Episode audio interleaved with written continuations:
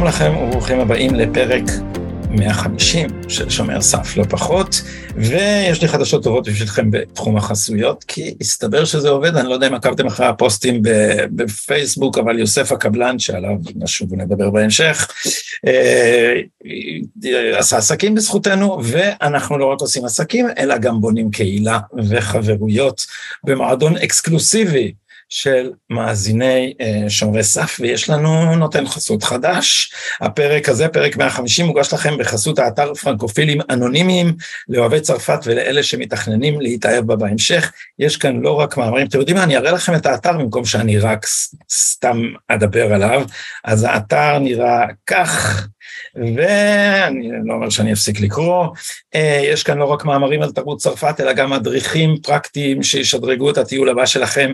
אם אתם מתכננים נסיעה לפריז, תמצאו כאן הכל, טיסות זולות, מלונות שנאספו בשבילכם בפינצטה, מידע על אטרקציות שאסור לפספס, מסעדות מומלצות, מסלולי טיול שיעזרו לכם לגלות את המקומות הסודיים של פריז, חפשו בגוגל פרנקופילים אנונימיים, או הקישו על הקישור שאנחנו נשים לכם אחר כך מתחת לוידאו, והנה קצת הצצה לתוך האתר, מחולק לאזורים, מחולק לנושאים, שאלות ותשובות, כל מה שתרצו ועוד באתר פרנקופילים אנונימיים.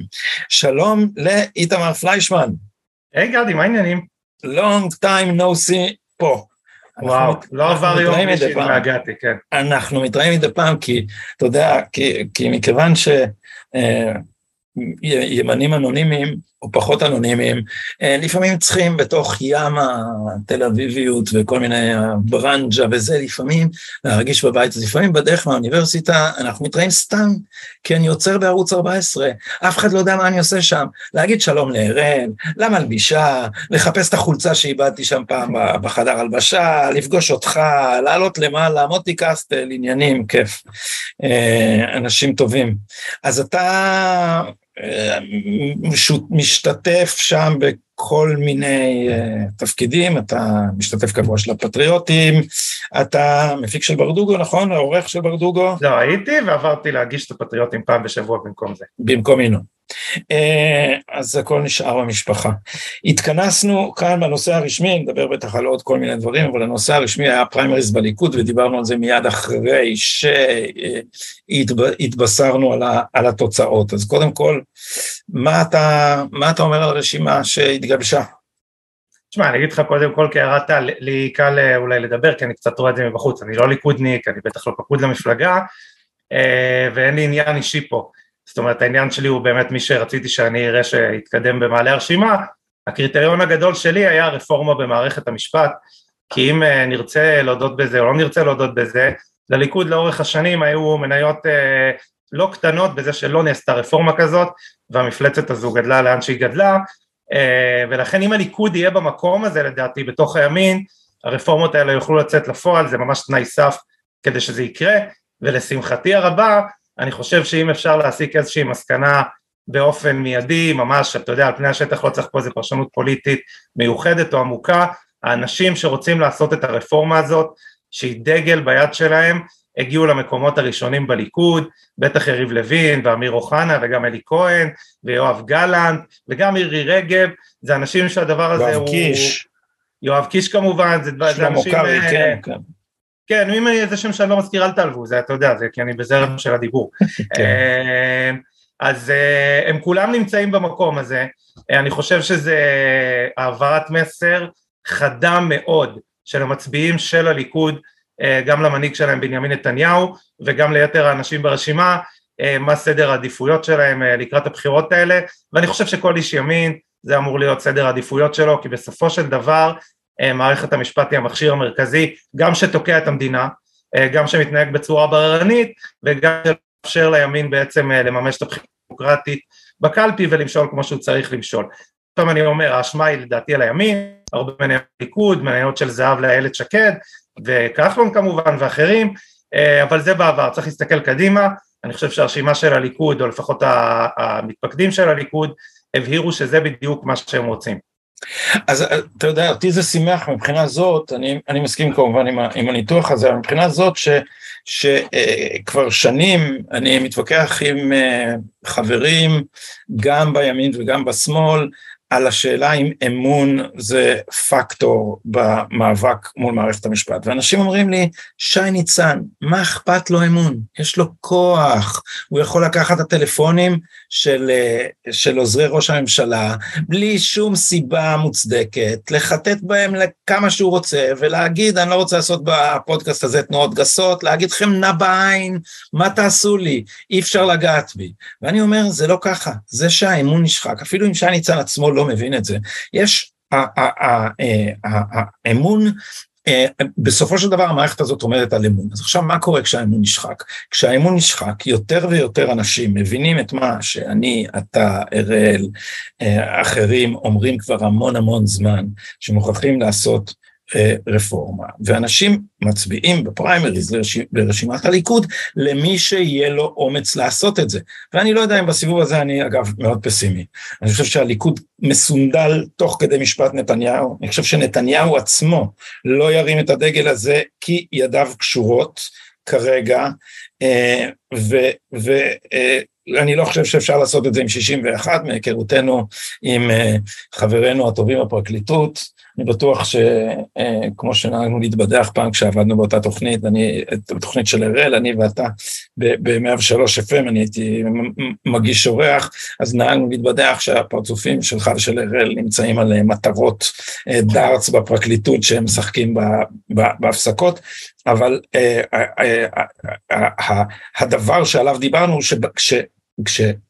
שאם יהיו רק 61, אז החבר'ה האלה ימצאו את החוליה החדשה. הם ימצאו מישהו להדביק לו משהו, לרמוז לו משהו, זה לא 61, זה לא, זה לא בסיס יציב, וכל אלה שחושבים שישועתנו תבוא מ-61, נכון שאנחנו, אם נבלום ממשלת שמאל, זה כבר טוב, אבל רפורמה לא יקרה מ-61. ועם זאת, זה בכל זאת סימן, סימן מבשר טובות, ש, שה, שהכלים השלובים האלה של האמון היורד בפרקליטות, זה האמון העולה באנשים שדיברו, ואני עקבתי אחרי האנשים שדיברו הכי הכי בוטה. מי שבעיניי היה הכי בוטה, לטובה אני אומר את זה, זה, זה שלמה קרעי, שהוא לא, לא מתרשם מזה שאנשים רוצים לעשות לו, תהיה יותר ממלכתי. אה, אדם עם ביטחון עצמי, בטוח במקום שממנו הוא בא. וכנראה גם מאוד נקי. כן. שזה עוד כן. משהו שאתה יכול ללמוד על האנשים האלה. כן, כן, כן, נכון, והם לא, אה, ויש, ויש עוד כאלה, ויריב לוין הוא כזה, והאכזבה הגדולה שלי מה, מהפריימריז זה שארז תדמור לא נכנס למקום גבוה, כי ארז הוא גם בדיוק כזה, אתה יודע, בן אדם ש... זה כמו, תראה, דניאל פרידמן הם לא הצליחו לתפור אפילו שהם רצו, כי דניאל פרידמן הוא בן אדם שהוא פרופסור מפוזר במובן הכי פשוט של המילה, הוא כולו שקוע בעבודה שלו, הוא, כן. אני לא רוצה, זהו, אני בטוח שאי אפשר למצוא אותו על החזר קבלה של אוטובוס. הם היו, הם חיפשו אותו, ככה שלפחות אתה יודע, לטענתו. הוא רמז את זה יותר מפעם אחת, אני לא, אני לא יודע, זה לא מה שאני יודע כעובדה כמובן, אבל הוא, אתה יודע, אמר בדרכו המאוד uh, משפטנית, כמו שאתה אומר, ש... שהמערכת ניסתה למצוא איך להעיף אותו לכל הפחות, לגרום לזה שהוא לא יהיה שר משפטים יותר, והצליחה, צריך להגיד את האמת, הצליחה, אבל תראה, בסוף אתה מדבר הרבה על אמון, אני חושב שככל שהאמון יורד, ככה יותר טוב, כי פשוט זה המדד הכי טוב להבין שבני אדם אה, הבינו מה קורה. זאת אומרת, אם האנשים אומרים יותר ויותר בסקרים, תשמע, אני לא מאמין יותר לפרקליטות, אני לא מאמין יותר לבית המשפט, בטח שאני לא מאמין למשטרה, וגם לא ליועץ המשפטי לממשלה, אה, כדמוקרטיה זו אולי בשורה רעה, כי אתה רוצה שהאזרחים יהיה להם סוג של אמון ברשויות האכיפה, אבל כמי ש... כישראלי, מי שמבין מה שקורה פה, הוא מבין שזה הסימן הראשון להתפכחות. אני, תראה, אני פסימי כמוך לגבי השנים הקרובות, דיברנו על זה גם כאן וגם אה, בינינו כמה פעמים, שאני חושב שהדור הנוכחי של הפוליטיקאים מימין, אה, כנראה כבר לא יכול לעשות את השינוי הזה וצריך לבוא איזשהו דור חדש, אחד מהם הוא כמובן יכול להיות ארז תדמור ויש תמיר אוחנה אה, ויואב קיש ואחרים שאולי יעשו את הדבר הזה, אבל בכל מקרה אה, אמירה של הציבור יש לה משמעות, אנחנו גם רואים בשבועות האחרונים, בעיקר סביב החשיפות של אה, משה סעדה, סגן ראש מח"ש, והגיבוי שנותנים לו ראשי מח"ש הקודמים לכל מה שהוא מספר, ואם מישהו לא ראה תנסו, זה באמת לא מורכב, תחפשו ביוטיוב, זה לא הרבה עמודים לקרוא, אין מסמכים, הסיפורים מאוד מאוד קלים. אנחנו רואים שהמערכת קצת נזעקת. היא הגיעה, אה, שי ניצן נבהל לאולפני הטלוויזיה, רוני אלשיך כבר כתב שני מאמרים בעיתון הארץ, אנחנו רואים את השופרות עושים את שלהם, ואני חושב שמשהו נסדק בחומה, ומי שצריך להגיד לו תודה על זה זה כמובן משה סעדה, וגם דובי שרצר, וגיא ניר, ואחרים, אורי כרמל, שמעזים לקום, זאת אומרת ראינו פעם ראשונה מישהו מתוך המערכת, בפנים גלויות, מול המצלמה, אומר את הדברים שקורים באמת מאחורי הקלעים. אני חושב שזו התחלה מצוינת, אני חושב שמשהו מתחיל לזוז, אה, ואני חושב שזה גם בלתי נמנע, זה ייקח עוד שלוש שנים, עוד חמש שנים, עוד שש שנים, יהיה הרבה מאוד נזק למדינה בדרך, אני בטוח, אבל אני מאמין שבסוף זה יקרה, אה, ואתה יודע, תמיד, אה, זה נראה עוד מאוד רחוק, אבל בכל מה שנוגע למערכת המשפטית, תמיד צריך לזכור שאנחנו הולכים ומתקרבים, גם אם זה, גם אם זה ייקח זמן, לפסק דין במשפט נתניהו, שאני, ואני לא חושב שאף אחד יכול לנבא מה תהיה המשמעות שלו לכאן או לכאן או לכאן, זאת אומרת זיכוי בזה או הרשעה בזה או דברים כאלה, אה, אני חושב שזה לא רק אירוע משפטי, זה יהיה אחד האירועים הפוליטיים אה, המשמעותיים בתולדות המדינה, אני, האמת שאני אפילו לא רוצה לראות את זה, אני עם המחנה שאומר תעשו עסקת טיעון, כי הדבר הזה מאוד מסוכן אני חושב ממש לשלום הציבור, בוא נגיד ככה. למה? באיזה מובן?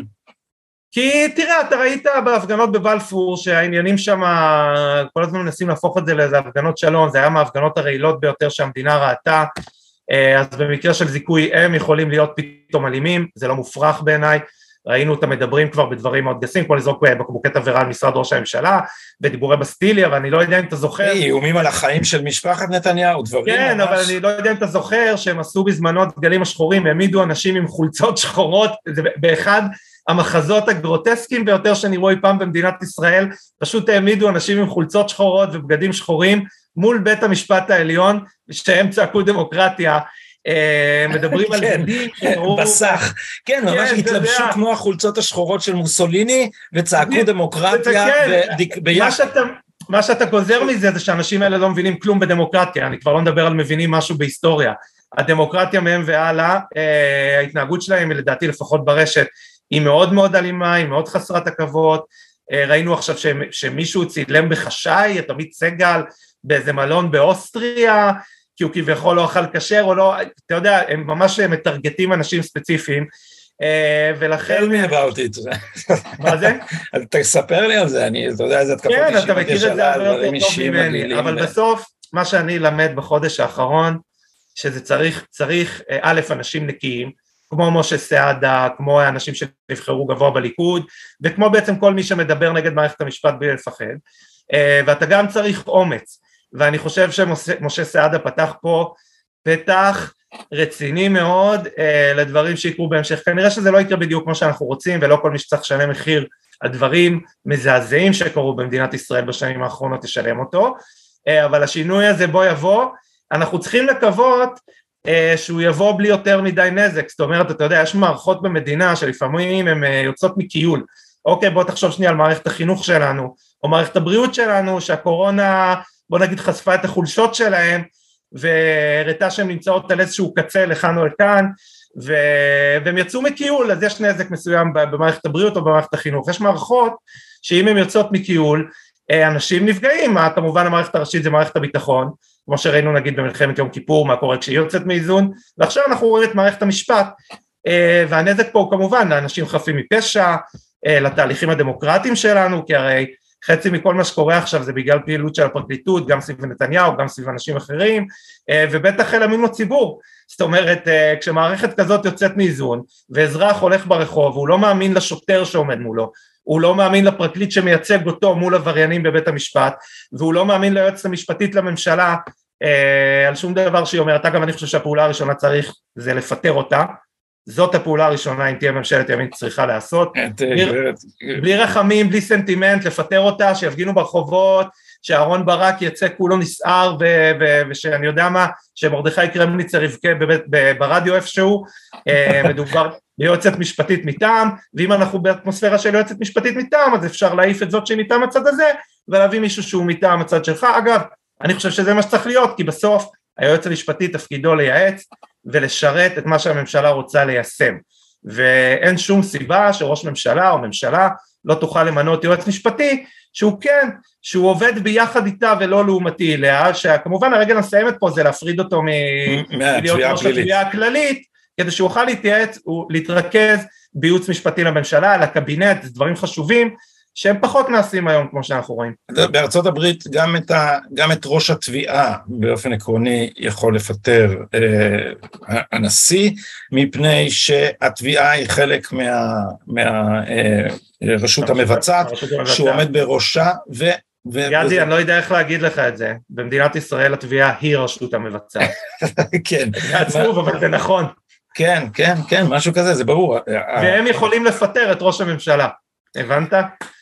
אנחנו נמצאים... נראה לי שסיכמת את, ה, את האירוע שבעיצומו אנחנו נמצאים בנוסחה הקצרה ביותר שאני, שאני שמעתי אה, עד עכשיו. אה, אבל אני רוצה להפנות את תשומת לבך, היה מאמר מערכת בהארץ לפני שלושה ארבעה ימים, אה, עד שהפודקאסט הזה יעלה, זה בטח כבר ארבעה, אני מקווה שהוא יעלה מחר בבוקר, אנחנו מקליטים אחרי צאת השבת, ובו הכותרת הייתה צדק ליעקוב אבו אלקיעאן, זאת אומרת, זה בעקבות המאמר של אורי כרמל, אחרי משה סעדה וכל זה, אבל יש שם פסקה, ושחלילה אבל לא השתמשו בזה כדי להחליש את הפרקליטות במשפט נתניהו. אז אתה מסתכל על הדבר הזה ואתה אומר, רבאק, כמה עוד אתם תחזיקו עם השקר הזה ישר מול הפנים. עכשיו, אני אגיד לך, תיאוריית קונספירציה, אני מהמר שאתה מסכים איתה, היא, היא, היא, היא, היא, היא לא, בעיניי לא תיאוריה, היא פשוט קונספירציה, וכמובן היא לא חדשה, אני לא מתיימר להמציא פה איזה משהו חדש, אני פשוט נתקל בזה מכל כך הרבה אה, כיוונים שונים. היה, אני, אני הסתכלתי בפרוטוקולים של, אה, של אה, ועדת הפנים, כי רציתי לראות איך, אה, למה קרה שרביב דרוקר הוא שחשף את, את מסמך יצחקי, ואיפה הוא נעלם אחרי זה? מה קרה שם? אז, אז רביב דרוקר חשף את מסמך יצחקי, הייתי אומר בפנים קצת חמוצות, אם חוזרים וקוראים את המאמר, 2016 נדמה לי, אה, ו, ואז אה, דודי אמסלם מכנס את, אה, את ועדת הפנים של הכנסת, ואתה רואה ממש מקהלה, מימין ומשמאל, כולם, בולטת בה הגברת מיכל רוזין ממרץ. מה זה הדבר הזה שעוקבים אחרי חברי כנסת? איזה, רק במשטרים אפלים עושים דברים כאלה? מה זאת אומרת שאוספים מידע לזה? מסמך יצחקי, אם יש בין שומע הפודקאסט הזה, מישהו שעוד לא שמע על מצמח יצחקי, אז אני רק אזכיר שזה מאגר מודיעין גולמי, שמועות, קשקושים, מכתבים אנונימיים על חברי כנסת שאפשר לשלוף אותם כדי ליירט אותם כמו שעשו לגל הירש. ושרצו להרחיב אותו לראשי עיר ולדמויות מוכרות נוספות. לא רק רצו, אלא אף עשו זאת. הרחיבו, כן.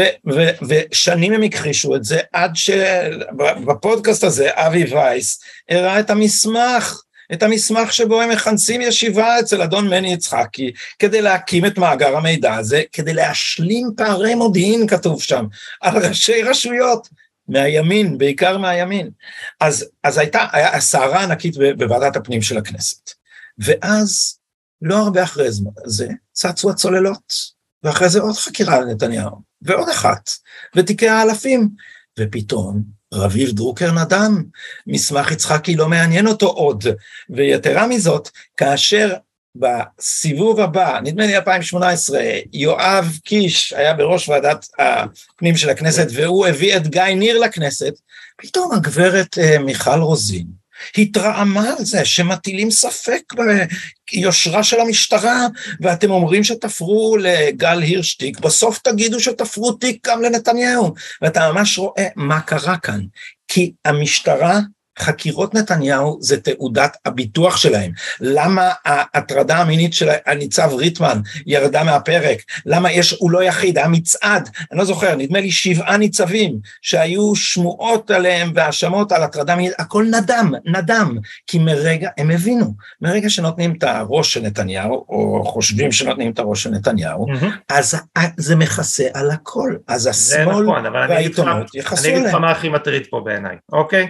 כל מה שאתה אמרת כמובן עכשיו הוא מזעזע והוא נוראי, אבל הוא מתעסק באנשים שהם בתוך מערכת אכיפת החוק, חלקם עם יותר כוח, חלקם עם פחות כוח, אה, שאתה יודע, הם שם בתוך המערכת, אה, והם נדרסו תחת גלגלי המערכת בועדה בתוכם, חלקם הצליחו לצאת מזה, חלקם פחות, אבל צריך להבין פה משהו, והזכרת את יעקוב בלבול קיאן, במסגרת המסע המטורלל להשתיק כל דבר כדי שחקירות נתניהו יימשכו ללא ספק ואף אחד לא יטיל בהם גם ספק, נדרסו פה אזרחים תמימים בצורה שהיא באמת מתאימה למשטרים אפלים, יעקוב אלקיעאן, זה מקרה נכון, טרגדיה נוראית, שאגב אף אחד אפילו לא טען שהשוטרים אתה יודע, היו צמאי דם והם חיפשו להרוג אותו, טרגדיה נוראית של אזרח ש...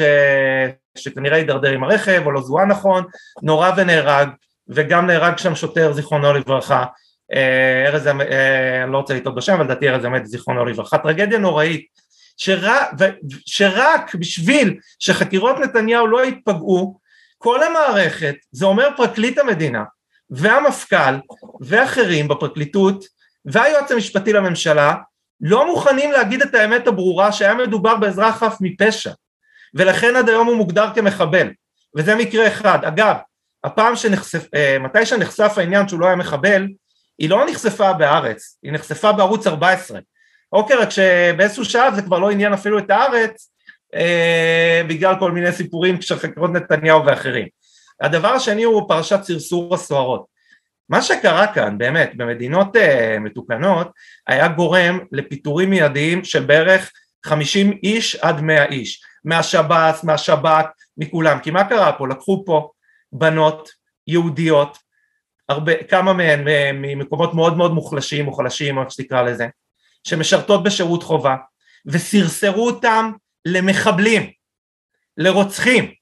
לא יכול סיפור, לא יכול להיות סיפור יותר מזעזע מזה.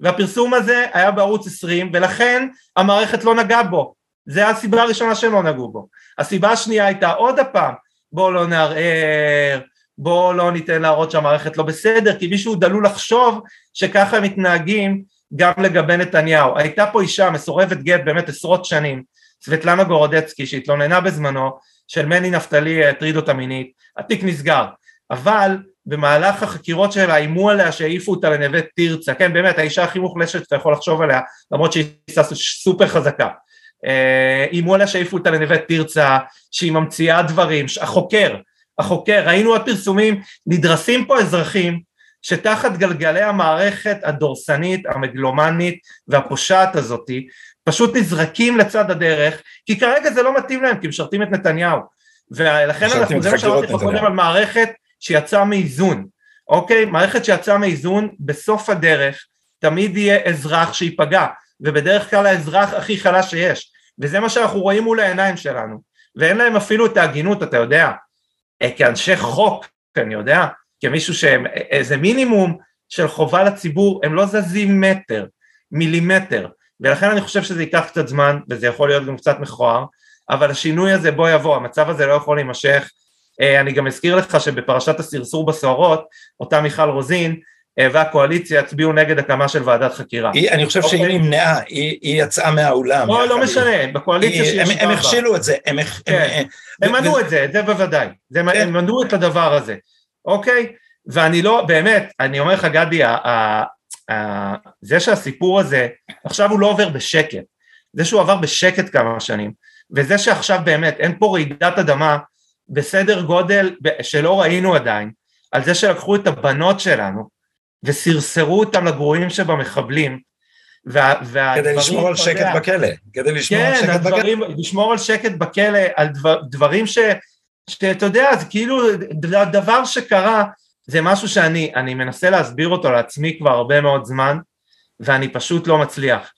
אני, אני, אני, מה אמור לקרות? כן, מה אמור לקרות? אני תכף נחזור לכמה הסיפור הזה הוא באמת באמת מחריד, אני רוצה אבל להעיר רק הערה על איך עולם המושגים של התקינות הפוליטית מעוות את המוסר האנושי, כי הפמיניסטיות האלה, מרימות דגל הפמיניזם, איך אתן שאתם מרימות דגל הפמיניזם לוקחים ילדה, ילדה בשירות קבע, ממש ילדה, ונותנים אותה בתור צעצוע מין למחבל, ואתם שותקות. למה? כי בסולם שלהם ערבים זה יותר חשוב מנשים. אז בסולם ההחלשות השונה, מסדיר את העולם המוסרי שלהם, יש היררכיה, אם אתה פחות חשוב או יותר חשוב, ולכן כשאישה נאנסת על ידי סודני, ב, אה, או, או מותקפת חבלות קשות על ידי סודני, את זה משתיקים. את זה משתיקים, זה אונס שלא נחשב.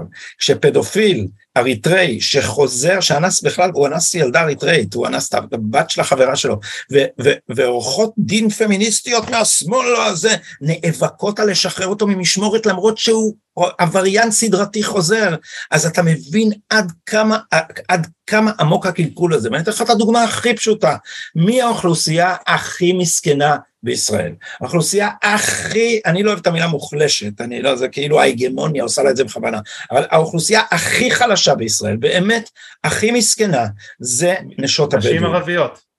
בעיקר נשות הבדואים שמביאים אותם במוהר אה, אה, מופחת, מה זה מוהר? אנחנו אותם. לדעתי, אני לא יודע בכמה מדינות במערב יש כזאת תופעה של סחר בנשים. יש לנו כן, פה סחר כן. בנשים בחסות החוק.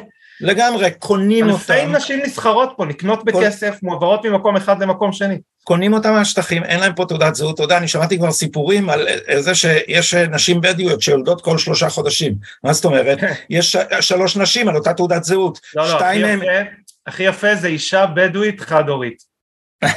זו המצאה ישראלית באמת, מאז שהמציאו פה את הטפטפות ואת הפתיתים, לא הייתה המצאה ישראלית כמו כן, אישה בדואית חד אנחנו צוחקים, אבל זה באמת נורא, כי האנשים האלה, אתה יודע, אם הבעל שלו נמאס והוא מעלים אותה באיזה באר, אפילו לא, כן. לא רשומה בשום מקום, ואני יודע בוודאות, מגדולי החשוכים בימין, שבאו לחלק מהפמיניסטיות האלה מהשמאל, אמרו להם, תשמעו, בואו נעשה משהו מהדבר הזה, זה נורא. קורה פה משהו נורא. וה, והצדיקות האלה מפאתי השמאל אמרו, לא, לא, בזה אנחנו לא מטפלות. למה בזה אנחנו לא מטפלות? כי אנחנו לא מעודדות, אני עכשיו מדברר אותם, זה לא מה שהם אמרו, אנחנו לא רוצות שתהיה דעות קדומות נגד ערבים. אז אנחנו לא אומרים על ערבים דברים לא יפים. לכן כשאנחנו מדברים על רצח נשים, אנחנו לא מדברים על זה שזה קורה בעיקר במגזר הערבי, כי את זה אסור להגיד. מה אני אומר בכל זה? שהדגלים המוסריים של המרב אה, מיכאליות לגווניהם, הם דגלים מוסריים כוזבים, סלקטיביים, הרבה פעמים הפוכים מהמציאות, ש, ש, ש, שבסוף משתתפים במה? אתם לא, מנעתם ועדת חקירה על כן. סרסור סוהרות, מנעתם את זה, איך אחרי זה אתם מביאים את הפרצוף אה, שלכם? בוא נגיד מסקנה פוליטית אולי, או מסקנה סוציולוגית, או איך שתרצה לקרוא לזה. אה, בסוף לא אכפת להם החלשים. החלשים זה כלי משחק בידיים שלהם. ראינו דבר טוב שקרה בממשלה הזאת, שזה פשוט נחשף. אחרי כל הדיבורים על הלהט"בים, וכמה אסור לשבת בממשלה עם הומופובים חשוכים, ראינו חברי כנסת אה, מהקהילה הלהט"בית הולכים ומתרפסים מול אה, חברי הכנסת של רע"מ אה, שכינו אותם סוטים, אגב היו חברי כנסת ברע"מ שחושבים, שאמרו בראיונות שצריך לעשות טיפולי המרה מנדטוריים, זאת אומרת כאילו טיפולי המרה זה משהו שצריך להיות בחוק כדבר שאם אתה הומו או לסבית אתה צריך לעבור. ואנחנו מכירים את יתר הדעות שלהם ועדיין הם התרפסו, זה לא שהם, אתה יודע, עשו את זה עם איזשהו כאב בטן, זה חבר כנסת שיושב מול ווליד טאה ואומר לו, אני כל כך שמח לעבוד איתך והתרבויות שלנו וקשקושים כאלה. ראינו מה דעתם על, על עבירות מין בפרשת סרסור הסוהרות, זה לא מזיז להם, זה לא אכפת להם, אה, ואנחנו רואים את זה גם עם המסתננים, אנחנו רואים את הדבר הזה, אה, ובטח עם הפלסטינים שהם כבר, אתה יודע, הם, הם כלי משחק. אבל, אבל צריך להבדיל פה, בין, צריך להבדיל פה אני חושב בין שני דברים, אחד מהם זה, זה שתחזקו את הקואליציה הזאת בכל מחיר. כן. ושתיים, זאת אומרת לטובת החזקת הקואליציה הם היו מוכנות למכור את הסוהרות. היו מוכנות אבל, לזרוק את הלהט"בים מהגגות אם צריך. אבל זה לא אותו דבר כשאתה רואה משהו שלא קשור בכלל לקואליציה, כמו, כמו מה שהיה עם האריתראים.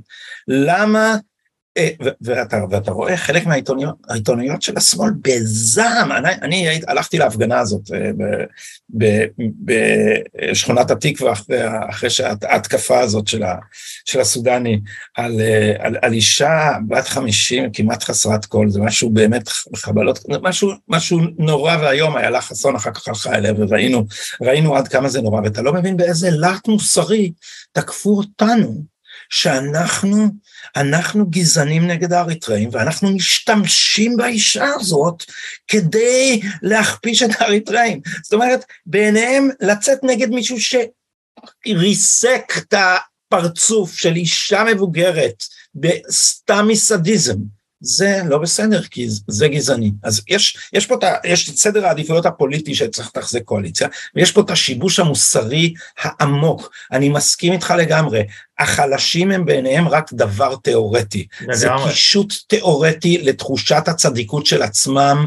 אין, כדי לתחזק את תחושת הצדיקות של עצמם, הם מוכנים לדרוס ולרמוס את האנשים החלשים שבשמן הם מדברים, ויש לזה דרך אגב גם דוגמאות מצחיקות, אני כבר מזמן לא עוסק בדברים האלה מאז אלנבי, אבל מי שראה את הסרט התיעודי, שעכשיו חברת יס לדעתי מנסה לקבור אותו, אה, שנקרא לפדנס האחרון, מראה איך החשפניות ניסו להיאבק על שימור מועדוניהם מפני הפמיניסטיות שרצו להציל אותם. ויש שם סצנה שאתה פשוט לא מאמין שהם הלכו לדבר עם מיכל רוזין, והיא לא רצתה לשמוע מה שיש להם להגיד, היא הסבירה להם שהיא יודעת יותר טוב מהם, מה טוב להם, ואחת הדברים, ואמרה, היא אמרה, באתי מבאר שבע, היא לא הציעה לי כוס מים, היא לא, היא לא עלה בדעתה להציע לי כוס מים. אז אתה יודע, הצדקנות מענייני הלהט"בים, דרך ענייני הנשים ועד ענייני הזה, זה זה, לא, זה, זה אוויר חם, בסוף תראה. זה, אבל זה virtue signaling, זה תרבות שלמה שהפוזיציה המוסרנית יותר חשובה לה מהמוסר. עכשיו אני מדבר על זה באריכות, כי אתה יודע, זה נושא האהוב עליי, כן. אבל אני אתן עוד דוגמה אחת שהיא ממש בולטת בעיניי. יגאל כרמון, אה, ראש ממרי, אם אתם לא מכירים את ממרי.org, כנסו לממרי.org, תעשו לעצמכם מינוי, תקראו קצת תרגומים של העיתונות הערבית, לא בלי פילטרים. הוא אסף מידע על, ה, אה, על הדרשות של אימאמים מוסלמים בארצות הברית.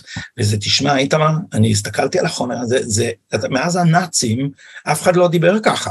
אף אחד לא דיבר ככה על יהודים כתולעים. היה, אני אגיד לך מי דיבר ככה. כזה. האיראנים. הפלסטינים והאיראנים. כן. נכון, מחמוד עבאס לאחרונה וכמה דיבורי שואה מרהיבים. אז אתה שומע את הדברים האלה, ואף ארגון יהודי מהמרכז שמאלה לא היה מוכן לגעת בהם, כי כולם פוחדים שיגידו עליהם איסלאמופוב, ולכן הם מוכנים להפקיר את צאן מרעיתם, לא להשמיע קול צעקה נגד תת תרבות שלמה שגדלה בארצות הברית של מוסלמים, ג'יהאדיסטים, אנטישמים קיצוניים, כי יותר חשוב להיראות מוסרי. כן, תראה, אני חושב שדווקא בקטע הזה אני, אני יותר אופטימי, יש איזה, יש תמיד את השאלה האם מה שקורה כרגע בארצות הברית, שזה מאוד מאוד מוקצן הקרבות של הפרוגרסיביים נגד אה, הימין, אה, יכולות להגיע לפה, אני דווקא חושב שיש לנו סוג של חסינות.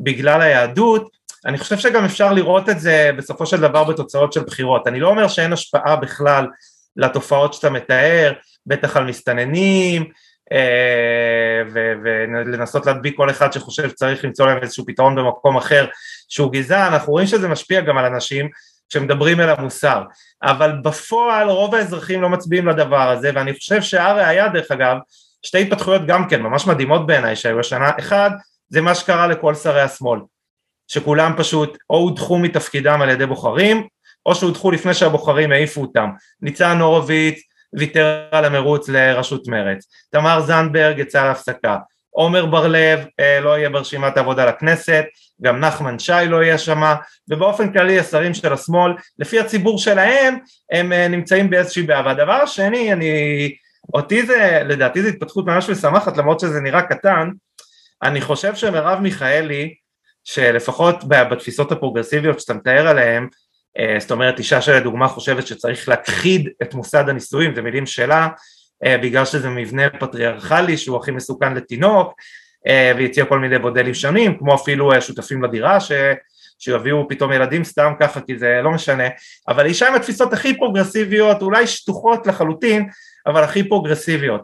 ואנחנו ראינו בשנה האחרונה אותה מביאה ילד מפונדקאות אוקיי? בגלל שהבעל שלה רצה הגבר רצה, אה, היא הלכה לקנות תינוק ממישהו, שזה ממש זכויות נשים, אז שני הקלפים האלה שלה קרסו לחלוטין, וביום האהבה האחרון, ט"ו באב, היא העלתה לרשת אה, סרטון שלה מחתנת אנשים, מחתנת לסביות, עכשיו זה לא משנה שהן היו לסביות, מרב מיכאלי הייתה כותבת מאמרים עד לא מזמן על זה שגם להומואים, זה הכותרת, זה לא אני עכשיו אומר לך פרפרזה, גם הומואים ולסביות לא צריכים להתחתן, זאת אומרת אני חושב שהיא גם מבינה והיא בעצם הייתה בוא נגיד האייקון, הסימבול הכי גדול של התנועה הזאת בישראל, היא גם הבינה שהציבור הישראלי רחוק משם, זה לא שהיא לא חושבת שצריך להכחיד את מוסד הנישואים, זה לא שהיא פתאום לא חושבת שלא צריך לשלוח את הילדים לצה"ל, זה לא שהיא פתאום, דיברת קודם על החשפניות, כן? אלה אסור לשמוע אותם, אבל איזו אישה אחת שאני לא יודע מה היא, כמה היא מרוויחה ואיך היא מרוויחה בארצות הברית, אפשר לקנות ממנה תינוק, בדבר שאת עד אתמול טענת שהוא לא מוסרי. ולכן זה נראה קטן, אבל לדעתי זה סנונית שהיא מבשרת שבישראל המסרים האלה הם לא רק שהם לא עובדים, יש אנטי אפילו בתוך מחנה השמאל אצל חלק מהאנשים, כן, לא אצל כולם, אליהם, ואתה רואה את החוסר שביעות על הנייר, מפלגת העבודה לא הייתה אמורה להיות בתוך הממשלה הרבה שנים, ומרצ לא הייתה אמורה להיות שם הרבה שנים, פתאום נהיה להם כוח, הם נהיו במשרדי ממשלה, ועדיין הקהל שלהם לא אהב את זה, הם פשוט דיברו באיזושהי שפה ופעלו באיזושהי צורה שפספסה אפילו את הקהל שלהם, ולדעתי זאת בשורה מצוינת, אז מי שמודאג שהפרוגרסיבים הבאמת, שירד מהמסילה כבר מזמן בארצות הברית, יגיע גם לפה, דווקא בעניין הזה אני ממש ממש רגוע. כן צריך לשים עין, כן יש בעיות במערכת החינוך, יש כל מיני דברים כאלה, אבל דווקא בעניין הזה אני יחסית רגוע. אבל אתה יודע, אני, אני, אני מאוד מקווה שאתה צודק, אני גם חושב שהטיעון שלך הוא משכנע, כי אני חושב שיש לנו גם בוחן מציאות הרבה יותר אה, אה, מהיר מאשר בארצות הברית, וגם יש משהו, אני חושב, בעם היהודי אחרי השואה, שהוא הסיבה התת-קרקעית לזה ששיעורי הילודה שלנו הם גדולים. יש, אתה יודע, אבא שלי סיפר לי שהוא, אבא שלי לא, לא היה בן אדם רגשן, אבל הוא פעם אה, דיבר עם אבא של דובי אייכנוולד, המו"ל של אה, ידיעות ספרים, וזה הפעם, הפעם שראיתי את אבא שלי, אני חושב, אחת הפעמים הכי קרוב לדמעות, עיניו התלכלכו, והוא אמר לי, תשמע, שהוא שאבא של דובי סיפר לו שכשהוא השתחרר מהמחנה ריכוז, הוא ברח, הוא היה ביער, זה, וכשמצאו אותו כוחות הצבא האדום, הוא אמר, הוא אמר, חשבתי שאני היהודי האחרון שנשאר בעולם. אתה יודע, אבא שלי, שהוא חילוני לגמרי, וזה, מפאיניק וציוני, ואיבד יד במלחמה, ופטריוט ישראלי אה, בכל רמה חבריו, אז זה ריגש אותו עד דמעות, זה ריגש אותו עד דמעות, ואני חושב שהדבר הזה באיזשהו מקום טבוע בנו, שאנחנו עם שכמעט הצליחו להשמיד אותו, והשמידו שישה מיליון מתוכו, ואיכשהו תפקידנו אה, להשלים את החסר הזה, ואני יודע את זה למשל על בשרי. אתה רוצה לשמוע עובדה מגניבה על ישראל? כן.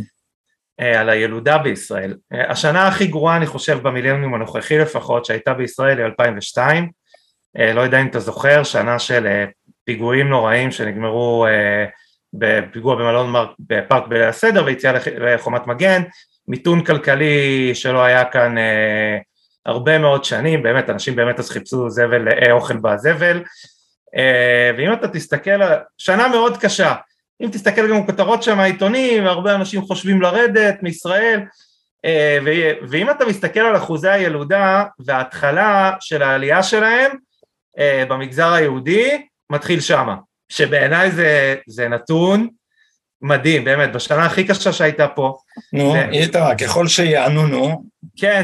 ככל שיענו, לא, אני... כן ירבה וכן יפרוץ. כן, אז אני מתחבר לנקודה שלך, שיש בנו, אני קורא לזה פשוט יהדות, ואני חושב שהיהדות זה מערכת חיסונית מאוד מאוד מאוד חזקה, גם למי שהוא לא דתי, וישראל היא מדינה עם הרבה מסורתיים, ואנחנו רואים גם הרבה חילונים שפתאום מתחילים אה, לפתח, אתה יודע, לפחות איזה דיאלוג עם המסורת, בדרך שלהם, בצורה שלהם, זאת אומרת, אני לא רואה שהפורום החילוני הוא איזה מכה שורשים בכל המגזר החילוני בישראל, או כל מיני אנשים אנטי דתיים כאלה, כן, יש קבוצה כזאת, בעיקר נגד החרדים, אבל בסוף היהדות, וכל אחד יפרש מה, יהדות מה שהוא רוצה, יכול להיות שאתה יודע שזה המסע של אלפיים שנה, יכול להיות שזה התורה, יכול להיות שזה האלמנטים שהציונות הוסיפה ליהדות, לא משנה, אני חושב שזו מערכת חיסונית שאנחנו אולי אפילו לא יודעים להעריך אותה מספיק, אה, מול הפרוגרסיבים הזה וגם המשפחה, אוקיי, לישראלים בטח יחסית לאזרחים במערב יש משפחות גדולות.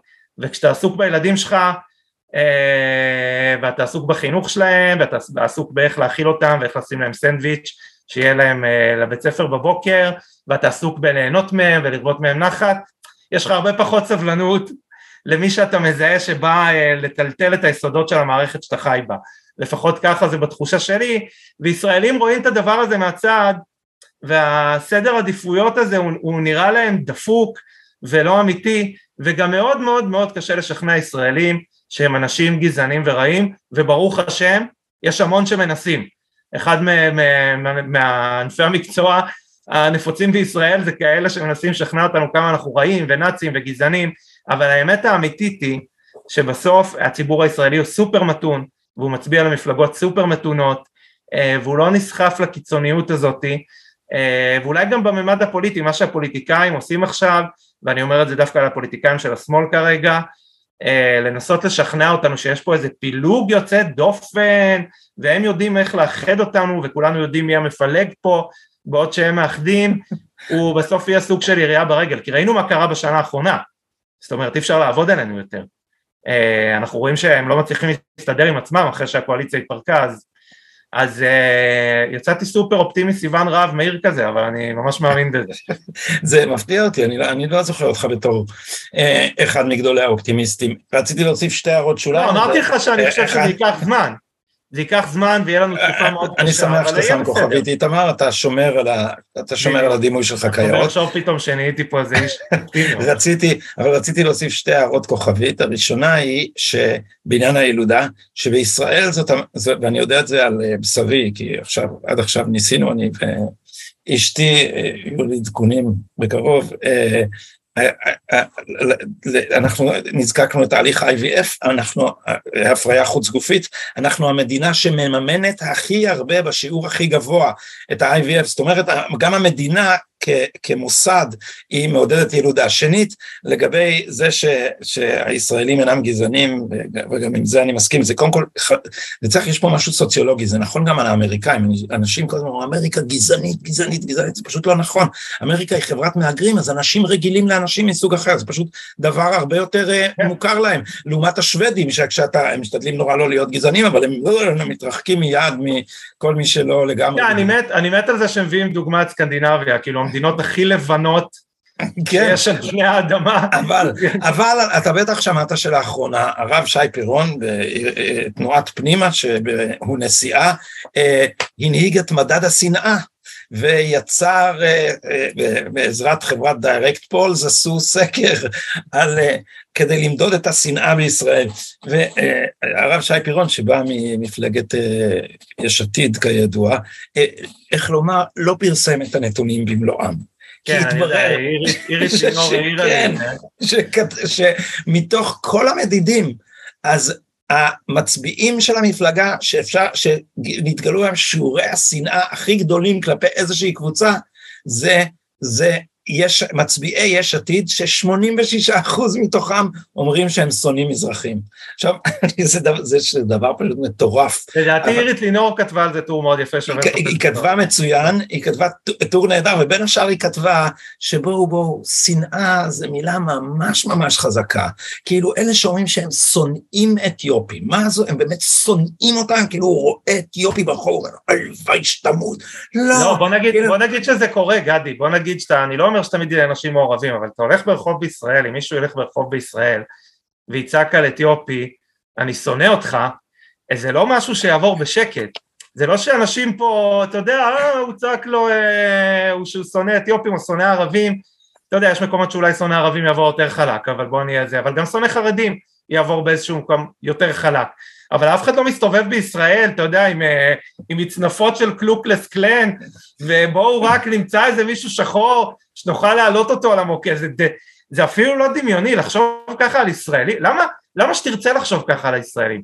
זה כל כך רחוק מזה, זאת מדינה שהביאה לפה אנשים מאפריקה. היחידה, הביאה לפה מיוזמתה אנשים מאפריקה כי, כי הם ראו בהם חלק מהם, אז אני, אני אפילו לא מבין למה הדבר הזה קורה, הם ציירים את ישראל כאילו זה איזה מקום, אגב אני חושב, שתדע שזה ההבדל הגדול בין הימין לשמאל בישראל, במנטליות, אנחנו סופר אופטימיים, גם כשלא צריך להיות אופטימיים, אנחנו סופר אופטימיים, uh, ואנחנו רואים את ישראל בעין מאוד יפה, כמובן לא כל השמאל, אבל אני מדבר על הס... לא uh, השמאל השמאלי, ואתה יודע, היה בן אדם אחד שדיבר באופן מאוד מעליב לשוטר אתיופי, uh, ואמר לו בהפגנות בלפור, שהוא העלה את ההורים שלו מחו"ל לכאן, וכולם מצאו לו צידוק, אתה יודע, עד שיוצא משהו כזה, זה יצא מהצד הלא נכון פתאום, אז מצאו לזה איזשהו צידוק. אבל, אבל, אבל איתמר, זה הצד הנכון, כי מי כן, במקום, מי לא במקום השני, נכון. נקבל נניח את תזת השנאה לצורך הוויכוח, מי במקום השני בשנאת מזרחים אחרי יש עתיד? אתה מנחש בקלות. מרץ. מרץ. תיקו עם המשותפת. המשותפת שונאים אזרחים גם. עכשיו, אתה מסתכל על מרץ, אתה אומר, זה הכי מצחיק, כי במרץ כמה אחוז שונאים ערבים? אה, נמוך כנראה מאוד. אפס. עכשיו אתה אומר, רגע, אבל צריך להזכיר פה, מרץ מתקשה מאוד עם קולות של ערבים, ערבים לא מצביעים למרץ. ברור, אבל אתה, אז אתה, עלה בדעתי שאתה יודע, יש, נגיד בקשת המזרחית, יש כאלה שקוראים לעצמם ערבים יהודים, כי הם חושבים שהמזרחים הם ערבים יהודים. אז כאילו, אם הם ישכנעו, הם מזרחים. אם הם ישכנעו את מרץ שהם ערבים, כמות השנאה כלפיהם תרד מ-72% ל-0 לא יודע, בכמה זה מ-0 כן. ל-100? בשנייה אחת היא תרד. זה כאילו, אתה יודע, אז כמו קודם כל... שאתה ג'נדר פלואיד, אתה יכול להיות אה, מזרחי פלואיד או ערבי פלואיד. כן, החלטת שאתה ערבי, אז אתה ערבי, עכשיו- אנחנו אוהבים אותך. אני, אני רוצה... לא, אבל אני רוצה להדגיש... לא, פה- אבל, לא, אבל אני גם רוצה לסייג את זה שאני, שאני חושבת אותו דבר, שגם במרץ להגיד שהם שונאים את המזרחים, בדיוק, בדיוק. זה מוגזם. אבל, השמאל אבל, גם לא שמאל שונא, אנשים פה, זה לא שאנשים שמצביעי לפיד, אפילו מצביעי כחול לבן, אולי מצביעי שר, כן. אבל אף אחד מהם, אתה יודע, אנחנו גם חיים עם האנשים האלה, אנחנו מדברים איתם. אני תמיד כשבא אליי מישהו אומר לי את זה, אני אומר לו, תגיד לי, ממי אתה מפולג? אוקיי, את מי אתה שונא? אתה שונא מישהו? כאילו, אתה רואה חרדי ברחוב, לא יודע, אני... לא, איתמר, שונאים ימנים, זה לא מצחיק. שונאים ימנים, אבל אני עוד פעם, שנאה אני חושב שהרוב רושפת. הגדול, הרוב הגדול של השמאל הישראלי לא שונא ימנים, אני לא מקבל את זה. אז בוא, לסיום אה, שיחתנו, והייתה יכולה להימשך עד בלי די. אני תמיד נהנה לדבר איתך. אה, אה, אבישי בן חיים, תיאוריית ישראל השנייה, מה אתה אומר על זה? דבר ראשון כהערת אגב, אתה יודע שאבישי בן חיים אומר שהדרך היחידה לקרוא את הפוליטיקה הישראלית היא תיאוריית ישראל השנייה שלו. אני טוען שהדרך היחידה לקרוא את uh, הפוליטיקה הישראלית זה תיאוריית האסיד שלי. אם אתם תבינו, שמים לכם אסיד במים, הכל יסתדר פה, אתה מבין? זה, הערת אגב, תראה, אבישי הוא באמת, אני אומר את זה, אני, אני קטונתי מולו, הוא איש עם ידע עצום, איש ספר, איש שקרא, דוקטור שהרוויח את הדוקטורט שלו כמובן בזכות ולא בחסד, אה, ובתפיסה הגדולה אני לא מתווכח איתו, אה, זה חסר טעם. עכשיו אני חושב כן דבר אחד, אוקיי, אני לא אוהב שום פוליטיקת זהויות, שום פוליטיקת זהויות. זה לא, זה לא אומר שאני מכחיש הרבה מאוד מהדברים שאבישי אומר, אבל אני חושב שהשימוש של זה ככלי פוליטי, זאת אומרת אני בגלל שאני מזרחי ועברתי דיכוי, שזה הרבה פעמים נכון, עכשיו הדעה שלי יותר נחשבת היום ב-2022, זה לא משהו שבטח הימין צריך להיות חלק ממנו. מעבר לזה אני מריח שם באמת הרבה מאוד ריח של מרקסיזם, קראתי את הספר שלו, אה, ספר מצוין, מאוד חשוב לקרוא את הספר הזה, אבל יש שם איזה ריח קל של מרקסיזם, אה, שאני כישראלי אה, מסתייג ממנו, או כימני, לא כישראלי, מאוד מסתייג ממנו. מצד שני אני חושב שאבישי מרים פה איזה דגל על דבר שהוא כאילו נמצא בשוליים והוא לא באמת בשוליים, אה, וזה שיש פה קבוצה גדולה אה, שהיא מזהה את, אבישי קורא לה ישראל הראשונה, אבל היא מזהה את עצמה כצד הנכון, כצד המואר, כצד ש... שהוא צריך לקבל פה בסוף את ההחלטות, כי הצד השני, ישראל השנייה, שזה חרדים ומזרחים, או אנשים שלא חושבים כמו הקבוצה הראשונה, אסור לתת להם שום נגישות לכוח, ואם הם יגיעו לנגישות של כוח, זה יהיה אסון, ובזה אבישי פוגע בול. עכשיו השאלה, מה אתה עושה עם הדבר הזה? Uh, והתשובה היא, לא פוליטיקת זהויות, זה תמיד יסתיים באסון, ואני חושב שהדוגמה האחרונה היא מה שקורה בתוך הציונות הדתית בין בן גביר לסמוטריץ', שאין ביניהם, ביניהם הרבה הבדלים באופן כללי, אבל uh, אתה רואה שזה מתחיל להיות השיח ביניהם. אתה העלית מעליי, אני מרגיש מקופח, עכשיו אני אפילו לא יודע אם זה נכון. אני פשוט מבין שפוליטית אם אנחנו מגיעים למקום הזה, uh, טוב לא יכול לצאת מזה לעולם, uh, ואני מסכים עם התיאוריה, פחות מסכים עם המימוש שלה היום, ובטח לא חושב שצריך לעשות בה שימוש פוליטי, כי זה פשוט מסוכן. Uh, אבל יש המון המון אמת במה שאבישי בן חיים אומר, ושוב אני אגיד לך, רמות הידע שלו, זה מבחינתי כמו להתווכח עכשיו עם uh, רופא על משהו שקורה לבן אדם בגוף, הוא קרא בערך פי מאה ממני, הוא היה במקומות פיזית, אתה יודע, באירועים פיזית, בהרבה יותר ממני, הוא מעמיד קייס מצוין, מגובה, מנומק, שאני לא מסכים עם כולו. איתמר, בואו נקבע להיפגש שוב סמוך אחרי הבחירות, יאללה. ואני מקווה שאני לא, כי תראה, אני, אני יותר אופטימי ממך, אבל אתה יותר, כשקורים אסונות אני אוהב לדבר איתך, אני לא יודע למה זה כן, מעודד אני, אותי. אני, אני לא יודע למה אתה שהדבר- מעודד אותי. ככל שהמצוקה יותר גדולה אני פורח. זאת כנראה דרך אחת לבטא את זה, בכל אופן, אני תמיד שמח לדבר איתך, אז בוא נעשה את זה שוב בקרוב. תענוג, תודה רבה גדי. לילה טוב ושבוע טוב. ביי.